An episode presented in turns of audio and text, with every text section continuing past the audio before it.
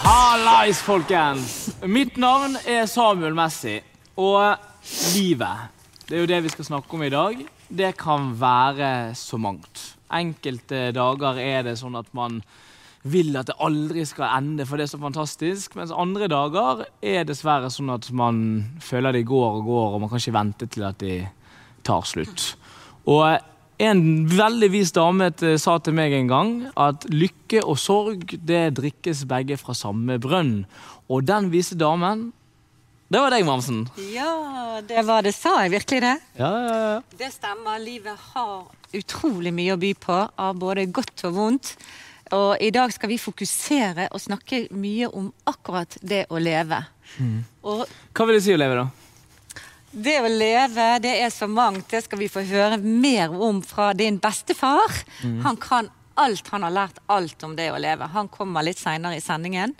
Men nå er dette i gang. Nå vil jeg ønske hjertelig velkommen til alle sammen. Dette er verdensdagen for selvmordsforebygging. Og vi har fantastiske masse gjester i dag. Og det er en stor dag også i Oslo. I Oslo har det tidligere i dag vært en stor markering av eh, verdensdagen, der selveste Erna Solberg har eh, lagt fram en ny handlingsplan for selvmord. Og Bent Høie, og de, har også, de skal snakke om nullvisjonen for selvmord. Og det skal vi kommentere på litt seinere i dag. Men fortell, deg, Hvem er, er du, da, oppi det hele? Jeg er mamma, og jeg heter Anne Marie Ulvolden. Jeg er helsesykepleier i Bergen kommune. Og jeg er styremedlem i Leve, organisasjonen Leve Hordaland. Og jeg er etterlatt. Hva vil det si å være etterlatt? Etterlatt betyr at man har mistet noen i selvmord. Jeg mistet min bror for når eh, han var 24 og jeg var 22 år gammel. Eh, Det er lenge siden, men det er, å miste noen i selvmord er brutalt. Og det er på en måte noe du aldri egentlig helt kommer over. Eh, Men vi lærer oss, som bestefar sier, så lærer vi oss å leve med det. Men det er på en måte noe som rokker ved på en måte livet sånn som man kjenner det når det skjer. Så det tar tid. Ja. Jeg er på en måte oppvokst med det, da. Eh, Geir, onkel Geir, døde jo før jeg ble født.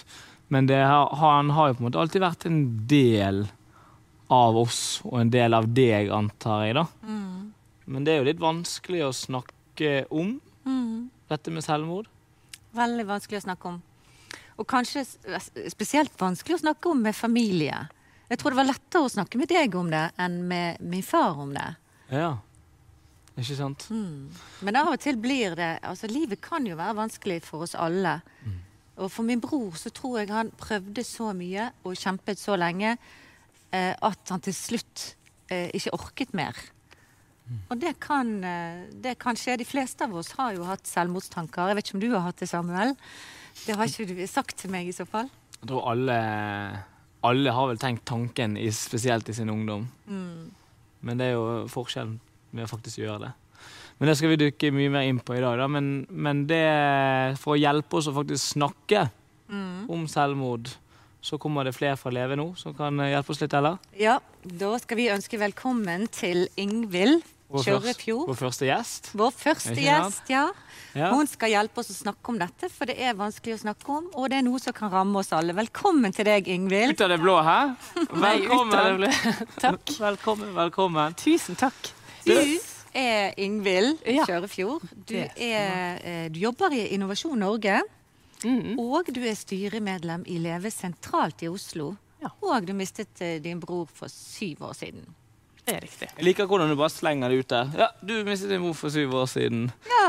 Er det, er, men, det, men det er litt sånn altså, Det er jo det vi, vi skal gjøre i dag. Vi skal jo snakke om ting, ikke Ja, det er akkurat det vi skal. Vi går rett på sak. Det er bare rett på sak, og det syns jeg er så fint eh, at du tar tak i. For det er noe som jeg òg følte veldig raskt på etter at Kjetil døde. Dette her var så vanskelig, men så, du må bare si det. Mm. Og det er jo kjempevanskelig å si i begynnelsen, men så blir man vant til det.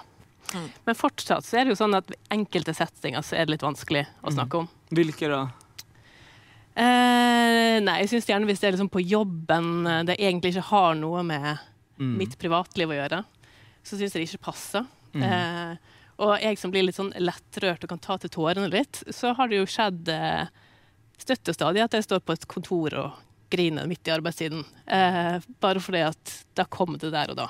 Ja, Men hva føler du da når du sitter og Ja, nei, det blir jo litt kleint. Ja. Men jeg vinner jo utrolig mye på det. Mm. Og så tenker jeg samfunnet vinner på at vi som har stått i det, kan snakke om det. For det er ikke så lett å finne ordene, og man er jo liksom redd for å snakke om det og vil jo ikke støte noen. Så da tenker jeg at det er fint eh, å bare si det rett ut. Eh, og bare ta det med alt det er, om det blir latter, tårer eller bare kleint. Det er helt greit. Eh, er det farlig å snakke om selvmord? Mange er jo veldig redd for at de skal trigge noen ved å snakke om det. Det kan vi snakke om dette, Ingvild? Ja. Ja. Det er helt enkelt svar på det. Ja, det kan vi. Det verste vi kan gjøre, er å ikke snakke om det. Og ikke si noe. Så det er jo absolutt et budskap til alle her i dag, at dette her må vi snakke mer om. Og jeg syns jo samfunnet vårt er blitt veldig flink til å snakke om selvmord. Det er mer i media. Eh, det er ikke noe som blir hemmeligholdt lenger. Det skjer av og til, men mer og mer så sier man det rett ut. Han eller hun tok sitt eget liv. Men det vi må bli flinkere til, og det syns jeg er så flott med det arrangementet dere har hatt initiativ til her i dag, at vi snakker om før det skjer. Mm. vi vil jo ikke at folk skal ta sitt eget liv. Og der trenger vi kanskje å øve litt på å finne språket. Og finne på en måte hjelpe oss å finne de anledningene man kan snakke om selvmord. Da. Men du har jo funnet din vei Altså, du har jo din bakgrunn som har ledet deg inn i Leve. Mm. Kan ikke du fortelle litt om det? Eh, ja, altså jeg bodde jo eh, i Sør-Afrika da dette skjedde. Så når jeg kom tilbake igjen til Norge, så var jeg på en måte bygdene litt på nytt igjen. Og veldig raskt så fant jeg ut at jeg må prøve å gjøre noe positivt ut av denne forferdelige opplevelsen. Eh, for det jeg oppdaget også veldig raskt, var jo at eh, mange har opplevd selvmord, men ingen har egentlig snakket med meg om det. Eh, og hvorfor er det sånn? Eh, og hvorfor er det sånn at i 20 år så har selvmordsstatistikken ikke beveget seg, så å si. Kanskje til og med gått litt opp. Mm, den har gått opp. Sånn kan vi ikke ha det. Vi kan ikke ha et selvmord støttes, altså kan ikke ha det sånn at selvmord er en så vanlig dødsårsak i et så flott land som Norge. Så da tenkte jeg at nå må jeg ta tak i dette. Og etter at jeg fikk eh, to gutter sjøl, så ble det enda viktigere. For vi vet jo at menn er mer utsatt for selvmord enn eh, jenter og damer er. Hvorfor tror du det? Ja, veldig godt spørsmål. Er det fordi vi ikke snakker om det, eller er det eller, Vi får kanskje noen flere svar på det i løpet av... Ja, den må vi utforske litt eh, mer i løpet av sendingen, tror jeg. Jeg tror ikke det er så lett å si at bare fordi at man snakker om det, at det blir enklere. Mm. Eller at man da blir Ja, nei. Noen sier jo at det er at eh, menn velger en mer brutal måte. At det kanskje er mer Ja. Effektivt, på en måte, hvis man kan si. Det er flere kvinner som, eh, som gjør selvmordsforsøk, Ja. men det er flere menn som eh, fullfører det. ja. Eh, Så, men det kan jo hende at det, det, Vi vet jo veldig lite om årsaker til selvmord. Mm. Og det eh, må vi jo prøve å finne ut av litt mer. Og det er jo noe vi skal snakke om seinere i forhold til nullvisjonen ja. som blir lagt fram i dag. Ja. Dette er jo en veldig, eh, veldig flott plan som vi gleder oss veldig til å følge framover. Eh, vi i Leve. Hva er dere i Leve? Dere sier vi i Leve. Hva er ja, dere i hva er Leve? vi i Leve? Hvem er Leve? Det, er jo, det er jo stort sett etterlatte og berørte av selvmord. Vi eksisterte i 20 år. Eh, 20 ja, 20-årsjubileum i år. Eh, og vi eh, har eh, hatt fokus på sorgstøtte til etterlatte og selvmordsforebygging. Og I den siste tiden så har vi brukt mye eh, tid på å jobbe sammen med regjeringen på denne handlingsplanen for selvmordsforebygging som legges fram i dag. Eh, og det er en, eh, et veldig viktig signal, ikke bare at vi har planen, men at det er en nullvisjon som ligger bak dette. Det tror vi er veldig viktig for at vi skal klare å få ned selvmordstallene. Så eh, veldig spennende eh, å følge den videre. Vi skal snakke mer om dette her eh, seinere, spesielt eh, nullvisjon. For den er veldig interessant. Ja. Eh, men vi sier eh, foreløpig takk til deg. Du skal komme tilbake igjen seinere. Nå skal vi få eh, litt musikk. Eh, Vi skal ha musikk i dag. vi skal ha musikk. Vi skal ha spennende gjester. Vi skal ha musikk. Vi skal ha vår første artist. Eh, det er Heidi Thorsvik. Hun har jeg kjent i over 20 år, faktisk. Fra hun gikk på ungdomsskolen, og du kjenner hun. Hun eh, gir ut plate i morgen. Og den heter The Hidden Soul of the Fjords. Men i dag er hun her og skal synge en sang som heter Norwegian Blues. Vær så god, Heidi.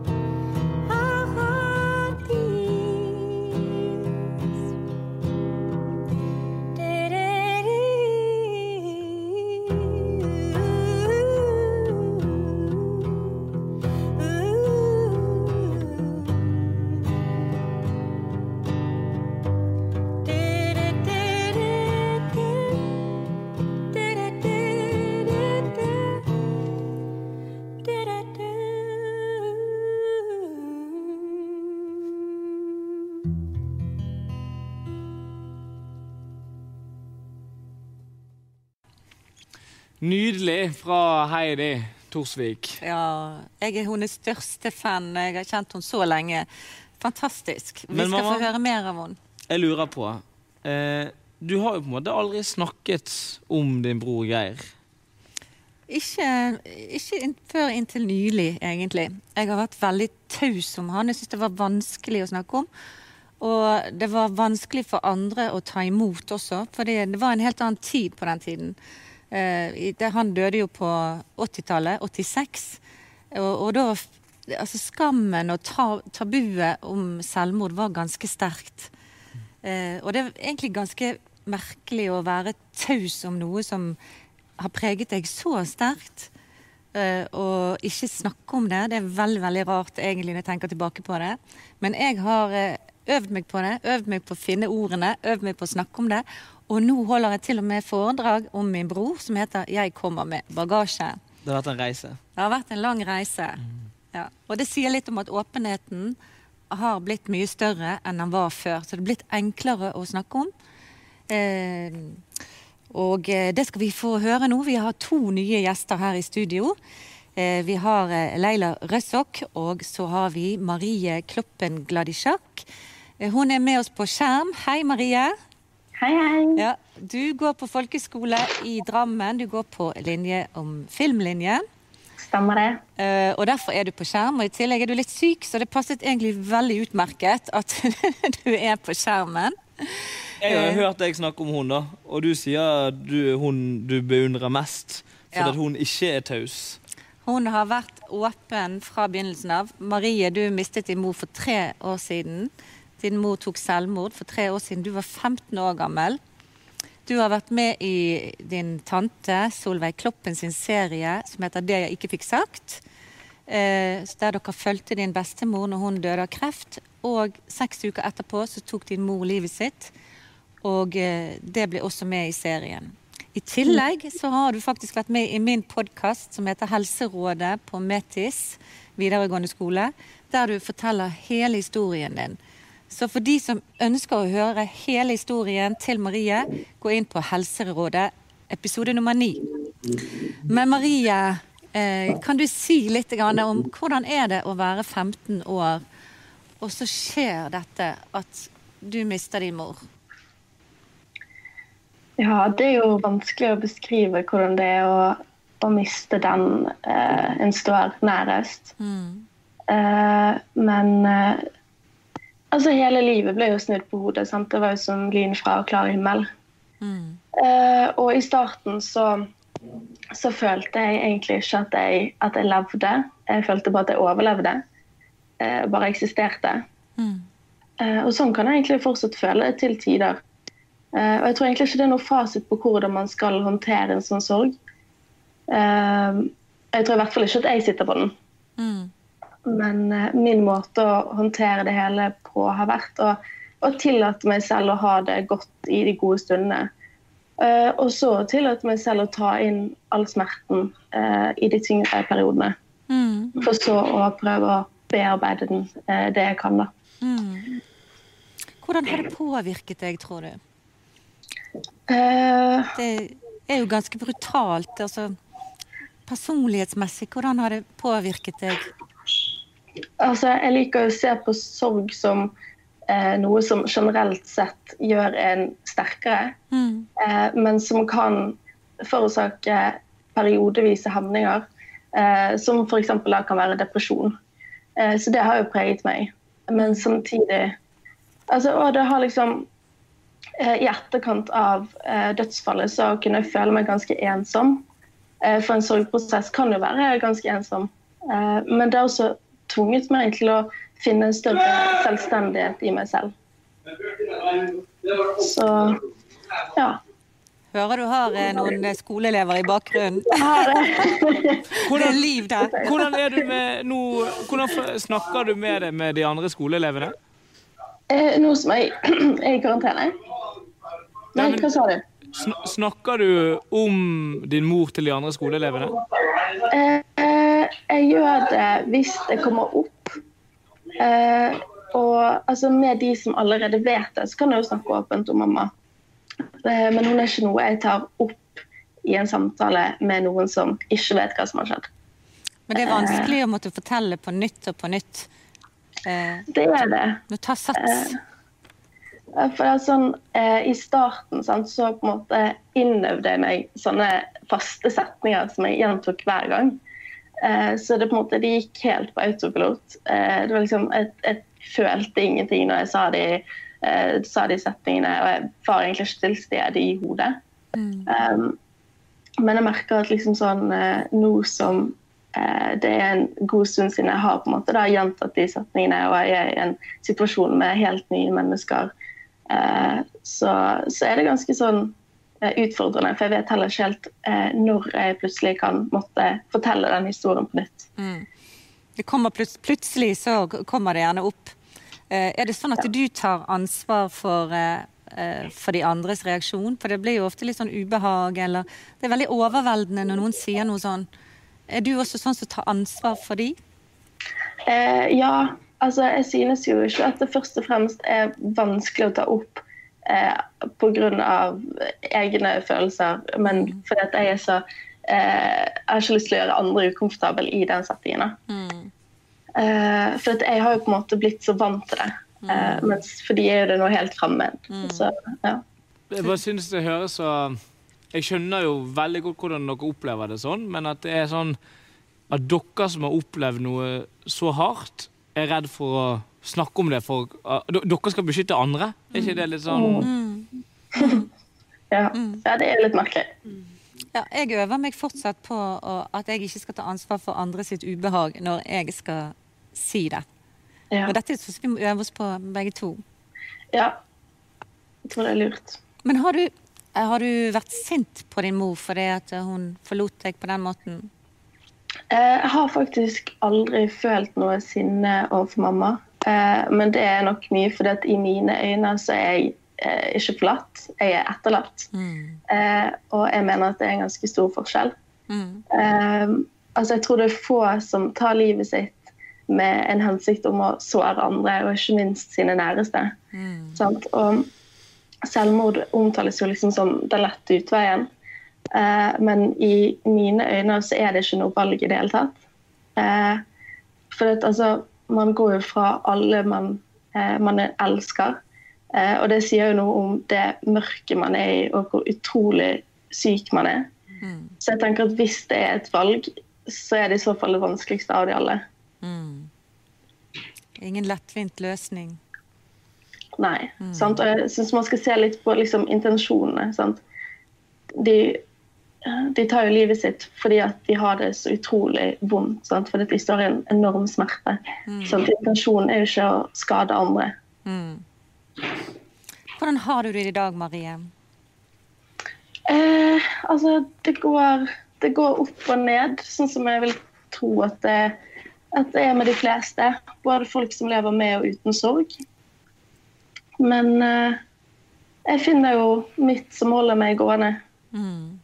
Sant? Og det er de jeg er glad i. Og, og så tenker jeg at det er viktig å, å ha eh, altså Når jeg prøver å leve i et håp om at jeg en dag skal kunne få liksom, det livet mamma ønsket for meg. Da. Og det Ja.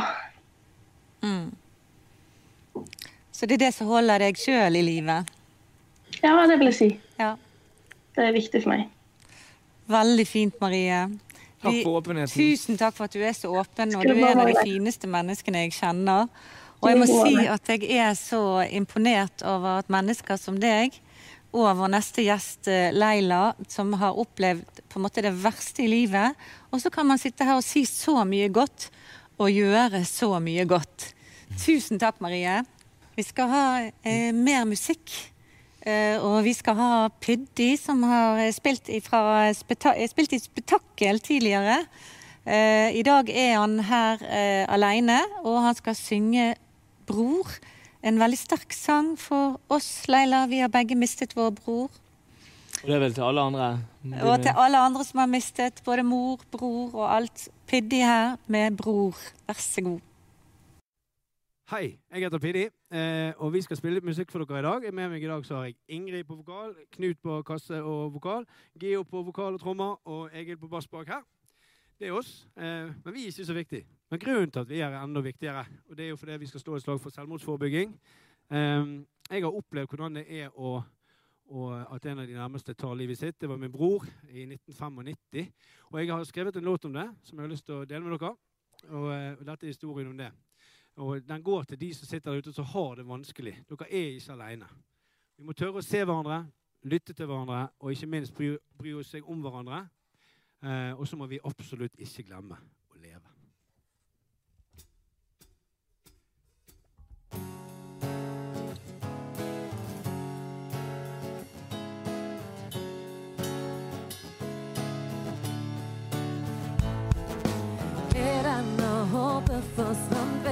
dör. De på de hjärtesna bör. Själar förstyrrat av budskapets makt og at du vandrer fra jorden yeah. med døden yeah. som tar Jeg husker 1995, det var sent og jeg kom hjem. Hva hadde skjedd? Alle var redd. Jeg bruker disse linjer til å forklare mine tanker. Se på dette hjertet mot himmel, banker for jeg vanker. I denne floden av minner, dypt inn i sjel. Bror, der du skinner, jeg finner mine venner og min mor. Men hvor er du, kjære bror? Jo, i himmel bor. En stund uten like, måtte jo vike, for døden ble hard. Har aldri hatt en far som kunne lære å gi svar på alle ting som vi bar. Tar og tar disse minner og sorger. Mennesker bygger jo opp sine Beskytter sitt hjerte mot all slags smerte. Tanken er et liv på tverke, å leve på toppen vil sette sitt merke Du blir sviktet. Historier diktet om godhet og samhold og bånd som ble klippet. Og du stadig lenger mot grensene flyttet, Vil aldri få vite hva hensikten var. At du, kjære bror, opp til Gud ville dra.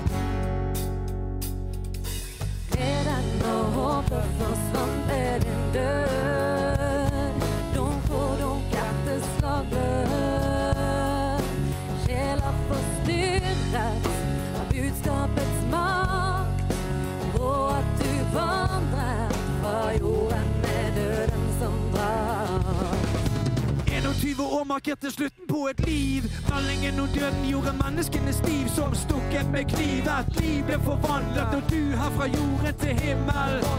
Jeg vil berette en saga om broren som brukte sin sjel for å vinne et slag, men ble brått forrådt av sitt såkalte lag. Ei av en kjerne hjerte og lojalitet, som ikke ville se at med livet du slet. Din tid nå var kommet når døden deg bet. Jeg vet at du ville så gjerne få takke alle dine venner som beskyttet din nakke. Blikket begynte flakke, du visste det var slutt. Men til deg, kjære bror, av mitt liv jeg gjør salutt. Jeg gjør salutt. Yo. Kom igjen, Leve, så går vi sånn sett der. ja, ja, Samme ja, Tro mine ord. Uansett hvor du var på denne jord. Deg dit du tror, og gjennom det ene og det andre. Aldri alene, men hos hverandre. Bror, tro mine ord. Yeah. 1979 Fra egen sti 1995 Hvor ble hentet hjem På Guds befaling men jeg ser som betaling Rant livet ut som blodfarget maling Livet til seg Erfaring og stor Hva faen hjelper det? Jeg mistet min bror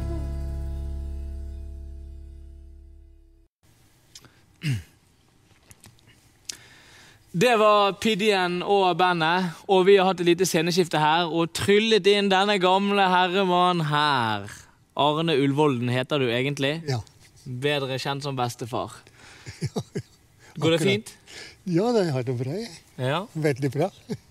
Du har jo din tilknytning til denne dagen vi markerer i dag også. Ja, det er jo i forbindelse med Geir, da. Min sønn. Eller vår sønn. Som, var, eh, som tok sitt liv i 8. desember i, 90, i 1986. På Valen sykehus. Og eh, det var jo forferdelig. Og når jeg snakka med din mor, så var det bare Det er min skyld, det er min skyld. For det her Den eh, selv... Den skyldfølelsen, den var det verste. Og det har jo måtte bare leve med. Ok, feil som er gjort, ikke sant. Det går ikke om igjen. Men, men en kan lære av sine feil. Og eh, det har jeg jo lært sammen med deg, da. Både vår ytre reise og vår indre reise. Ja, Men den skyldfølelsen, da, for nå er jo du det eldste medlemmet med i den sendingen her. Forsvinner den skyldfølelsen? En må bare leve videre. Ok, det som er gjort, er ikke noen ting å gjøre med. En kan ikke rette det opp. Men tanken på Geir er jo der alltid. Alt det man gjør, ikke sant, som minnes om Geir. Men nå blir det Jeg fikk et råd den gangen av leg, fastlegen min. Jeg skulle konsentrere meg om de positive tingene. Og jeg laget et album om, om eh, Geir. Så det var ikke dumt. For det, det går jo ikke an å En måte Du kommer jo fra en generasjon hvor det er veldig vanlig å legge lokk på ting. Men en annen måte er jo å faktisk ta det opp igjen. Ikke sant? Ja, akkurat. Og det er jo den du er tilhenger av. Ja, jeg gjorde det. Ja, jeg er det. Og det hjalp meg veldig mye. Og, og når jeg minnes om Geir, det er nesten hver dag, så, så er det det positive. Vel, skyldfølelsen er jo litt der, men livet må gå videre. Og det har jo det gjort for din del? Det har det gjort. Og- jeg har hatt et fantastisk liv de siste Siste ti årene. Ja, for det, når vi satte oss ned her og skulle snakke om dette her, så tenkte vi ok, nå kan vi bruke all tiden vår til å snakke om Geir og selvmord. Eller så kan vi snu det om og snakke om livet og det å leve. Og Kanskje du fortelle litt om det? For det, det å leve er jo vanvittig viktig. Ja, og nettopp det å leve. Når lærte du Arne Ullvolden å leve? Jeg lærte, det av deg. Jeg kan begynne helt med begynnelsen. Ja. Og det var når du forandret deg så totalt, over natta nesten, når du var på folkehøgskolen. Og eh, fra å være en skoletaper som hadde gitt opp nesten livet, ikke sant? Og du den tause skoletaper som du var, eh, som har begynt å snuse på hasj osv. Og, videre, og så kom på folkehøgskolen. Så kom du, etter to måneder kom du hjem, og så slo du ut med armene og var det sjøl. En helt total forandring. Og det der kom ikke over. Nei, Og bakhistorien, da, hvis jeg kan bare fylle inn som det du har sagt, er jo at i ditt liv sjøl så hadde ikke du slått ut med armene. Du hadde heller Ja, for på naboen, som du sier. Ja, altså jeg hadde tenkte hele tiden på hva andre ville si. Ikke sant? Jeg levde opp til andres forventninger i den grad at eh, jeg slo ikke i bordet der jeg skulle slått i bordet.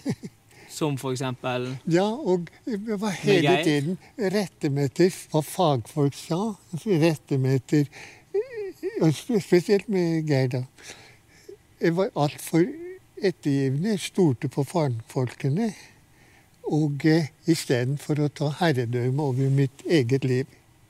Ta det fulle og hele ansvaret for mitt eget liv. Og det har jeg lært spesielt av deg, da. Og ja. Men jeg hadde lyst til det her å leve ja, Du har lært meg et dikt. Skal jeg få lov til å si det? Ja, nå er jeg spent på Ja. hvilket dikt jeg har lært deg, egentlig. Du skal ikke glemme det lys du spreder, spreder. Og Ja, unnskyld. Og eh, ditt, alle de smil du vekker. Og eh, Uff, nei, det der Du har det på innerlommen? Ja, jeg har det på Ja. Kan vi ta en pause der? Vi, vi tar det, vi tar diktet etterpå. Men, men det som Og, og, og hjertet du varmer, ikke sant? Ved å være akkurat den du er. Ja, det er fint. Det sa jeg i begravelsen til eh, Til eh. Robert, ja. Nei. Kan ta det nå. Nå, nå, Nå husker, nå husker du det? nå husker jeg Ja, det. men det er bra. Men jeg har bare lyst til å, å minne litt om den, den reisen din. For jeg vet jo, når jeg kom inn og vi begynte å snakke om livet, eh, så var jo det av at du var ganske langt nede. Altså Vi alle har jo i livet vårt perioder der vi er ganske langt nede. Eh, da hadde du eh, Du hadde fått kreft. Eh, du var sliten, helsen var dårlig, og du var ganske lei livet. Du, du, var, du, var, du, var der i hvert fall. Men, men Og jeg husker jo når jeg så deg der, så husker jeg at jeg gjerne ville få deg ut av denne kongkongen din, om du kan kalle det det. Eh, og jeg husker jo Husker du da når jeg gitt deg dette brevet og sa at nå må vi komme oss ut på tur for å lære å leve? Ja. Og Husker du hva du tenkte og følte da? Du var litt tilbakeholden. Ja, jeg hadde det jo ganske bra der ute på Huten. Og levde og trivdes godt. Og jeg har i grunnen hatt et bra liv. Selv om eh, hele tiden. Trodde jeg, ja. Og, eh, og eh, ja, så reiste vi. Ja, Men du var ganske tilbakeholden, husker jeg. Og du ville, ikke, du ville ikke reise. Og jeg husker jeg spurte deg, jeg sa bestefar nå enten så lever du her og i livet ditt på hytten her med kreften og, ikke, og sturer på en måte litt ved lyset. Eh, eller så griver vi tak eh, i livet, og så setter vi oss på et fly og reiser jorden rundt. Eh, og, og tar tak og bruker det siste, livet, siste tiden i livet. Eh, og etter mye om og men så ble jo du med på det. Ja, og da husker du at det var den, den, Vi hadde jo mangevis av drømmer. Og grunnen for at jeg tok opp dette, at det var på den reisen vi ordentlig lærte eh, om livet. Jeg gjorde i hvert fall det. Og vi skulle jo da til, eh, til Syd-Amerika, der du hadde hatt den drømmen om å komme over Andesfjellene på motorsykkel eh, i sidevogn. da. Og jeg som bra barnebarn tenkte jo ja, dette her er jo en super idé. Eh, men jeg husker jo da den enorme forandringen din, og det, for meg er det litt sånn Viktigheten av hvordan man tenker, og styrken som skjer inni den knotten her, er jo fra før vi reiste, så greide ikke du å eh, gå til postkassen en gang, for du hadde så vondt i ryggen. Men etter tre dager på tur så husker jeg jeg sto opp en dag, og da sto du og tok armhevninger ved badebassenget og sa 'Samuel, se på meg!' og drev og flekset muskler. Og det var ikke måte på, da. Eh, og for meg er det en sånn enorm eh, endring. Og, og, og, for alle opplever jo at man er ordentlig nede i, gropen innimellom, men når man virkelig velger å skru på, det er da det, det, er da det virkelig skjer ting. da. Ja, du har rett i det der. At jeg begynte så oppdager oppdage verden ikke sant, ute igjen.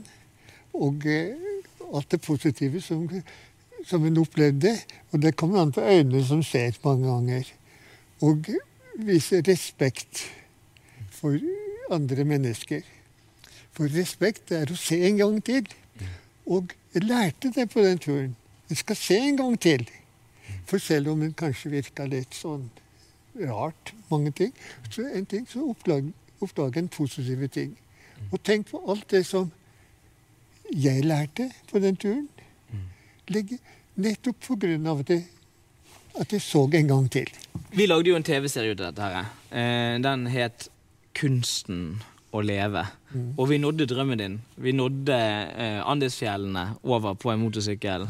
Og når du når Det er eh, to spørsmål, da.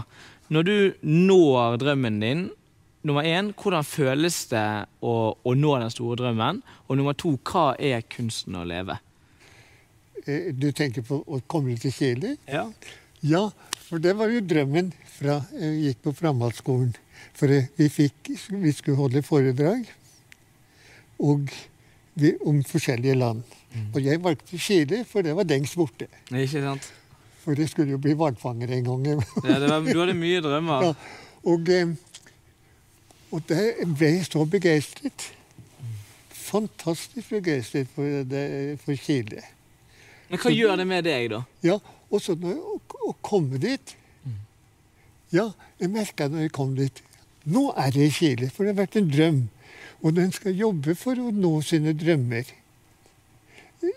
Og eh, Men jeg slapp å jobbe, for du tok med meg. Ja.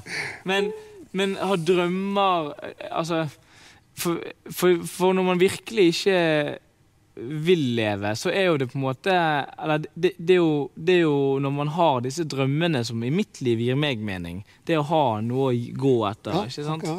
Og kjempe for. Mm. Og kjempe for. Og du Ja. har jo vært gjennom en kjempestor endring, og engasjementet ditt er jo blåst opp til været.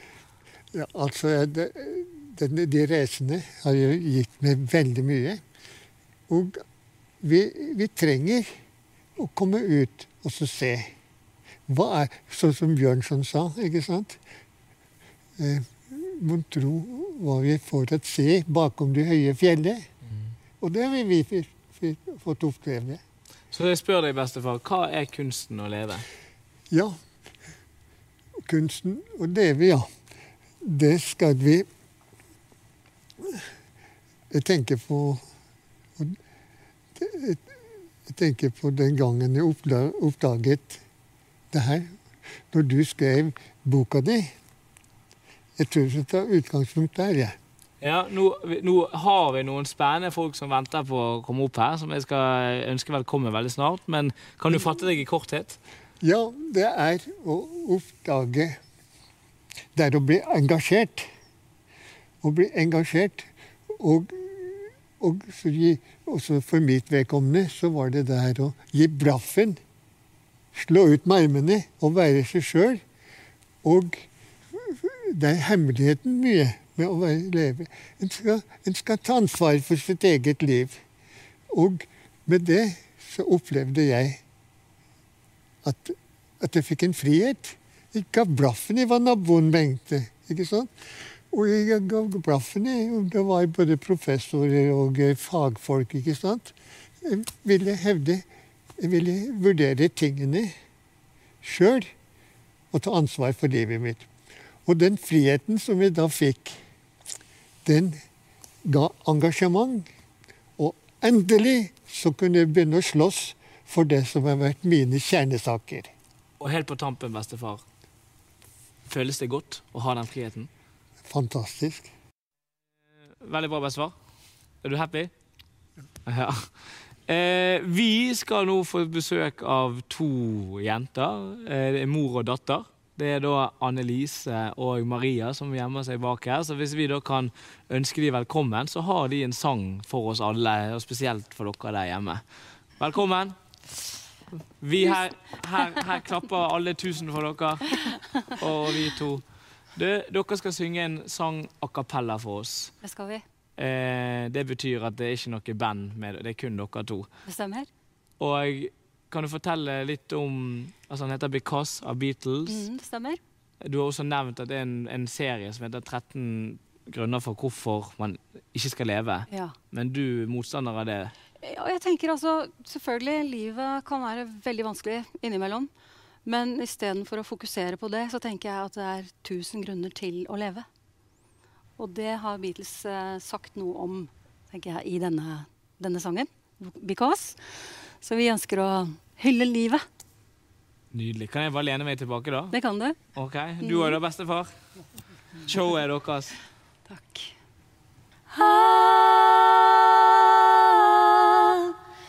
Because the world is round, it turns me on.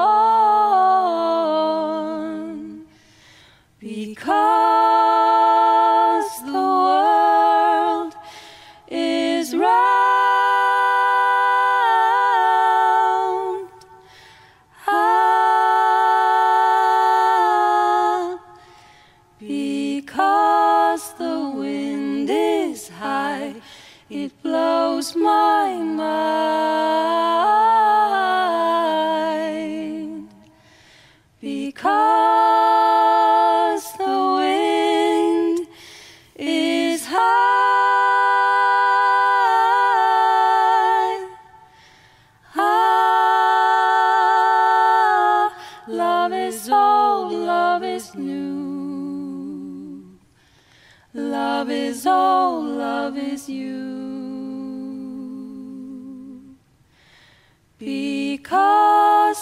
Sky is blue, it makes me cry.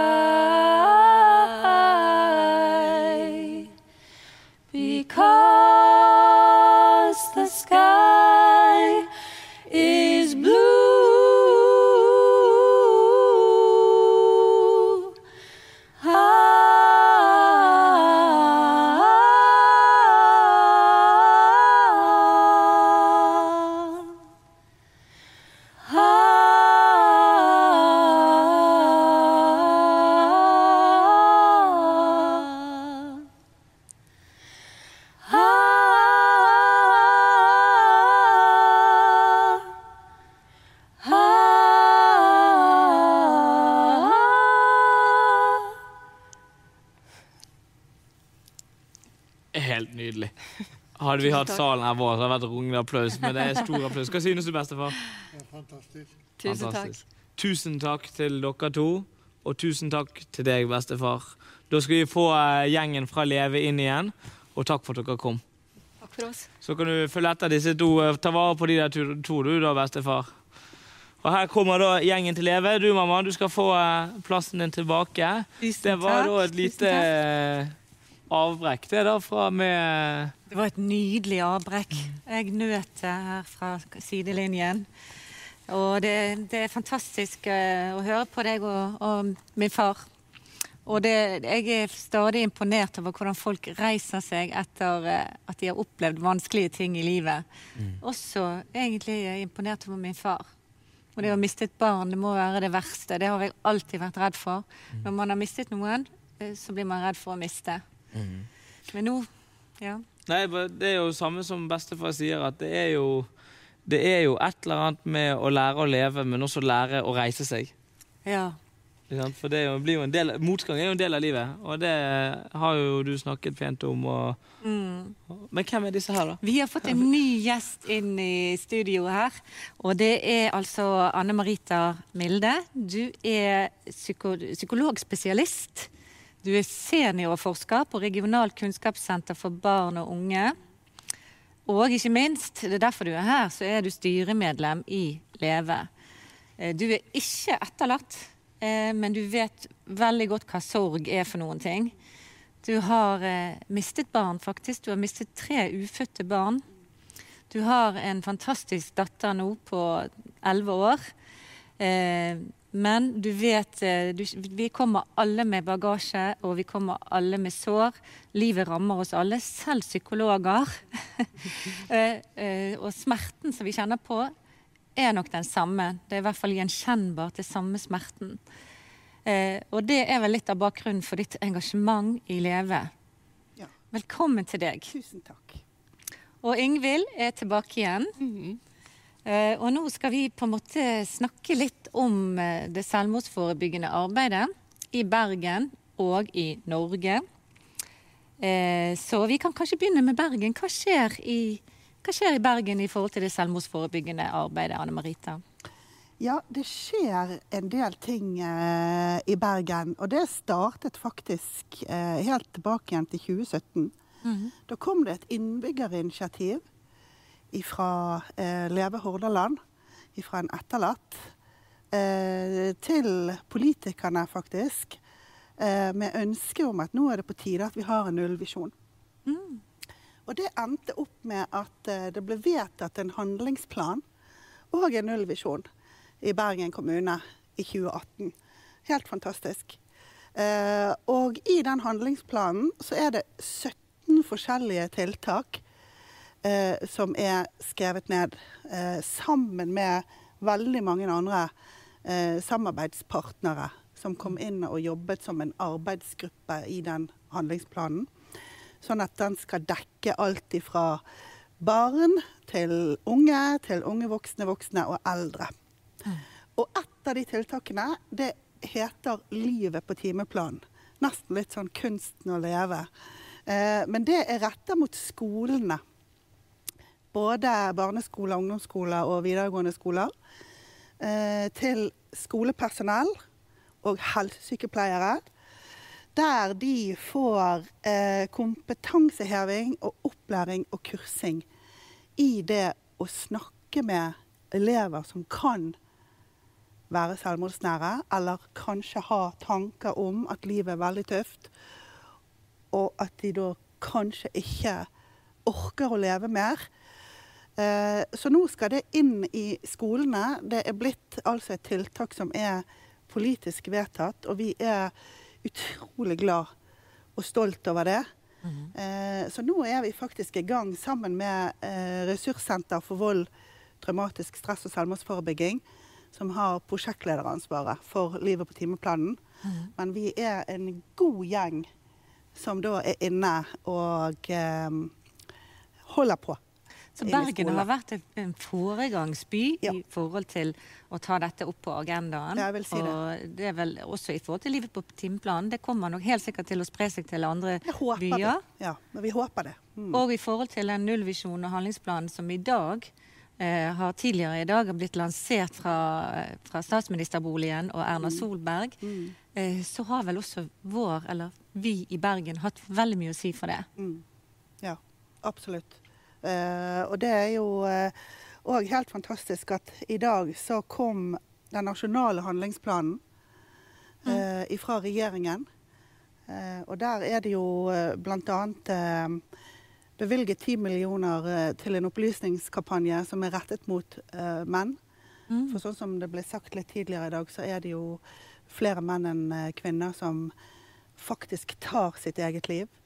Eh, og jeg tror kanskje at dette kan være med på å åpne opp for at menn og unge menn eh, mer kan våge å snakke om at de kan ha tanker, eh, og kanskje aktive tanker, og søke hjelp og støtte. Vi har jo også sett, uh, unnskyld, vi har også sett at Leve sentralt har, de har masse snutter om jeg valgte livet-snutter. Mm. Og der har jeg sett en god del menn som har vært med på det. Det er fantastisk at folk stiller opp. De har vært selvmordsnære, og så har de da gått frem og fortalt hvorfor de valgte livet. Eh, Så det er verdt å se. Jeg lurer på Si jeg har en kompis Du sier det snakk om at det, og gutter spesielt også må at, uh, ut og snakke om Hvordan snakker jeg til han om, om dette, hvis jeg vet at han sliter med det? Fins det en sånn 1, 2, 3 for liksom hvordan man snakker om det? Det skal ikke være så komplisert. Eh, jeg tror at noen ganger så gjør vi ting litt komplisert. Eh, det er ikke så vanskelig å spørre noen om Er det sånn for deg at du sliter sånn nå? At du kanskje har tanker om at du ikke orker eh, livet? Det trenger ikke være mer setninger eller mer eh, man trenger å si eh, eller å spørre om. Og så er det jo veldig fint eventuelt da, å få det avkreftet. Eh, og så på en måte har man spurt. Eller hvis man får det bekreftet, så er jo det òg at man har etablert en trygghet i forhold til at du er der og kan ta imot det hvis det kommer. Og så at dere sammen kan finne ut av hva gjør vi nå. Ingvild, du har jo et godt eksempel på det der. Ja, og så jeg bare tenkt, jeg reflekterte eh, over det du sa nå, altså hvis jeg har en venn eh, jeg Disse tankene om eh, å ta sitt eget liv de kan jo komme på de merkeligste tidspunkt. Og da er det kanskje ikke en venn i nærheten. Eller kanskje man eh, går rundt på en flyplass, og så ser man kanskje at det er en som har, ser litt molefonken ut. Selv om man ikke kjenner den personen og har et nært bånd til den personen, så tenker jeg det er fortsatt fint å ta et ansvar for å ta den praten. Hvordan går det med deg egentlig? Eh, så det er ikke så viktig at man må være så nær. Da. Eh, Men at vi har et ansvar som medmenneske? som et medmenneske, ja. Eh, og noen ganger så kan det være lettere å snakke med noen man ikke kjenner, og kanskje heller aldri skal se igjen. Som man gjerne gjør på en flyplass, man sitter der to timer og har noe ja, litt tid. Eh, og så kan man ha den samtalen, og så vet man den kommer aldri til å bli Ingen kan ta meg på den seinere. Og Det tror jeg kan også være lett. Bare stikke hull på den bilen, og så er det litt ute i åp. Da har man i hvert fall begynt prosessen kan du si, med en fremmed. Um, så det vil jeg oppfordre alle til å være det medmennesket. det medmennesket. Og ikke vent på den perfekte anledningen. Noen ganger så er det bare på butikken, eh, eller man vet egentlig ikke når det passer. og Det er aldri det perfekte øyeblikk. da. Du har jo sagt at du ser på alle på en spesiell måte etter din bror eh, tok livet. Ja, det er jo det med at eh, selv om jeg visste at eh, Kjetil hadde det vanskelig, så falt det meg aldri inn at han kunne ta sitt eget liv. Tenkte Det er sånn som skjer med alle andre. Og etter at han døde, så har jeg jo skjønt at dette kan skje hvem som helst. Så da når jeg går rundt i butikken, eh, i barnehagen, på jobben, så tenker jeg at egentlig hvem altså Mange av de som jeg treffer i dag, de går kanskje med disse tankene. Så nå har jeg jo gått rundt og tenkt at alle er selvmordsutsatt. eh? Så, eh, og det tenker jeg eh, Det er ikke sånn at det går og bekymrer meg, men det gir meg på en måte minner meg på at det er viktig å være hyggelig. Ta det ekstra minuttet. Uansett eh, hvem man treffer. sant? Hvis man går inn i butikk, og butikk, eh, hun som står i butikken sier 'hei, trenger du hjelp', så sier jeg alltid ja. For de, jeg syns det er fint å eh, ta den utstrakte armen da, hvis man tilbyr noe sånn enkelt. Kan jeg vise deg noe i butikken? Ja, gjør det. Det er hyggelig. Kanskje man får en god samtale av det. Ja. Eh, men du tenkte på en annen historie. Hvis, jeg kan, Ja. har, hvis jeg har tid til den, så kan jeg gjerne dra den nå. For jeg hadde en veldig fin samtale med en som heter Thomas Morell, Mm. som også har laget en veldig fin film om eh, hans eh, opplevelse av å ha selvmordstanker. Det perfekte bildet heter den. Mm. Eh, og da hadde jeg en samtale med han som jeg gjerne skulle hatt med min bror. Sant? Skulle jeg spurt om du ville dø? Og da svarte han ja. Det skulle du spurt om. For han sa det var en kompis som hadde spurt han om akkurat det. Og den kompisen hadde sagt um, Nå ble jeg veldig lei meg når jeg hørte at du har det så vondt at du ikke vil leve lenger. Fortell meg mer. Og så hadde han fortalt, de hadde delt denne vanskelige eh, perioden i Thomas sitt liv. Eh, og så sa kompisen Thomas, hvis du har det så vanskelig at du hadde lyst til å dø, å dø så er det greit. Jeg kommer til å savne deg, men du må leve for deg. Ikke for meg, og for ingen andre. Og det hjalp Thomas veldig eh, til å komme videre. Eh, og visste at eh, det her kommer de til å finne ut sammen. Da. Selv om det var ikke noe lett vei for Thomas etter denne samtalen, men det å kunne sette ord på ting sammen med kompisen og føle en aksept for de følelsene som han hadde, det var veldig godt for han. Og når jeg hørte det, så syntes jeg det var litt brutalt. da. For jeg har jo ikke lyst til å si til Kjetil at det er greit at du dør. Men det er ikke sånn at fordi at vi setter ord på sånne ting, at, uh, at Kjetil eller Thomas går ut i og tar sitt eget liv. Det er ikke sånn. Det er mye mer komplekst enn det. Nå føler jeg liksom behov for at du må si litt fra fagperspektivet her på dette her. Nå sitter jeg og føler Dette er min opplevelse. Hva tenker du når jeg sier sånt? Jeg tenker at det er veldig riktig. Og så eh, veldig kort eh, oppfølging av akkurat det. Det er ikke farlig å spørre noen. Mm. Det er en myte, og vi er veldig opptatt av å avlive sånne myter. Mm. Det er verre å ikke gjøre noen ting. Mm. Eh, men du kan ikke gjøre noe galt. Og det er ikke farlig å spørre. Det er ikke sånn at man setter noen på ideen, eller at det er det som gjør det. Heller tvert imot så skaper man en plattform der det åpner seg opp noe. Mm. Og jeg tenker at der ligger det mye omsorg, og det ligger mye omtanke. Eh, og da er vi tilbake igjen til dette her med å være et medmenneske.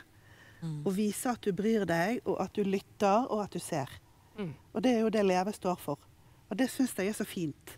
Så Og det, det er en kjempefin avslutning eh, egentlig for dere å si. Det er akkurat det Leve står for. Og Samuel, eh, hvis vi skal oppsummere litt, grann, da. Eh, jeg mener altså det som dere sier, det, det, det er sånn at det trengs en hel landsby for å leve.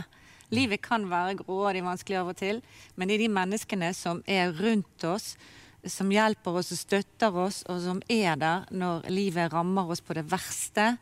Det er det som er hverdagslivets omsorg. Og det er det det handler om, egentlig. Vi kan ikke støtte oss på et hjelpeapparat som kanskje ikke er inne i bildet engang. Det er sånn som du sier, det er å være et medmenneske, å bry seg, å se. Og jeg tenker vi trenger disse her, vi trenger flere nødutganger i livet, Samuel. Ja. Har du vært, kan du være en nødutgang for noen? Det tenker jeg definitivt. Og jeg tenker at alle kan jo være en nødutgang for noen. Mm. Ikke sant? Men hvordan er man en nødutgang? Det er å snakke, det er å spørre. Mm. Det er å, om man kjenner dem eller ikke kjenner de. Og det er å være dette medmennesket, da. Mm. Menneskemøtene, vi har vi snakket om før. Det er, jeg tenker det er også et menneske som du møter, det kan bety liv eller død for deg. En lærer, en nabo, hvem som helst. Det er så viktig. Det er, vi er på en måte hverandres verden. Og hverandres skjebner, på en måte. Det Et menneske kan på en måte løfte deg eller bryte deg ned. Relasjoner er jo på en måte det som gjør eh, eh, Som de er forsket på, som gjør om du har mye å si om du har et godt liv eller ikke. Eh, så det er egentlig budskapet vårt i kveld. Jeg eh, håper jo at alle dere hjemme som sitter der og, og ser på, eh, blir påvirket til å ta noen kanskje litt andre valg veien videre i livet. Eh, og kanskje tør å ta seg det minuttet ekstra eh, for å spørre hvordan noen har det. Tør å kanskje involvere seg hakket mer, da. Mm. Og, eh, og at man kanskje har lært seg, fått noen nye verktøy i verktøyskrinet sitt etter, etter i dag. Ja. Det å tørre, tørre å snakke om det. Det er kjempeviktig. Tørre å ta kontakt. Et smil. Altså det er veldig lite som skal til. Hvis du, altså hvis du har det vanskelig, så er det utrolig lite som skal til for å bedre det. Vi eh, har et nummer. Hva, hvor, hvor, ha, vi har en hjelpetelefon, ikke sant? Det har vi. Det ligger ute nå på bl.a. Leve sine nettsider.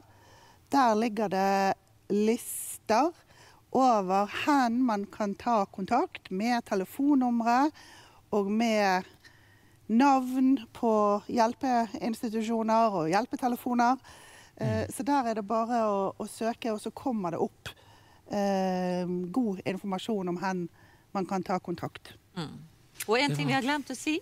Har dere lyst til å støtte Leve sitt arbeid, så står det et Vipps-nummer på skjermen. Eh, Eller Vips, og da er, Vipsen er Leve Hordaland. Da er det bare å vippse litt. Eller eh, bli støttemedlem hvis dere vil det. Vi har en sist, et siste nummer, Samuel. Og det er Heidi igjen, min favoritt. Og eh, hun skal synge en sang som heter I Am Crazy. Og vi er ikke så gale egentlig, altså. Eller så er vi alle gale. det er helt normalt. Skål for livet, sa folk. Skål for livet. Takk for dere var med. Tusen takk Heidi for kjører. oss. I could hear the raindrops pouring down. I got myself out of bed. I went down to the social services and cried my tears Can you help me with some money? I don't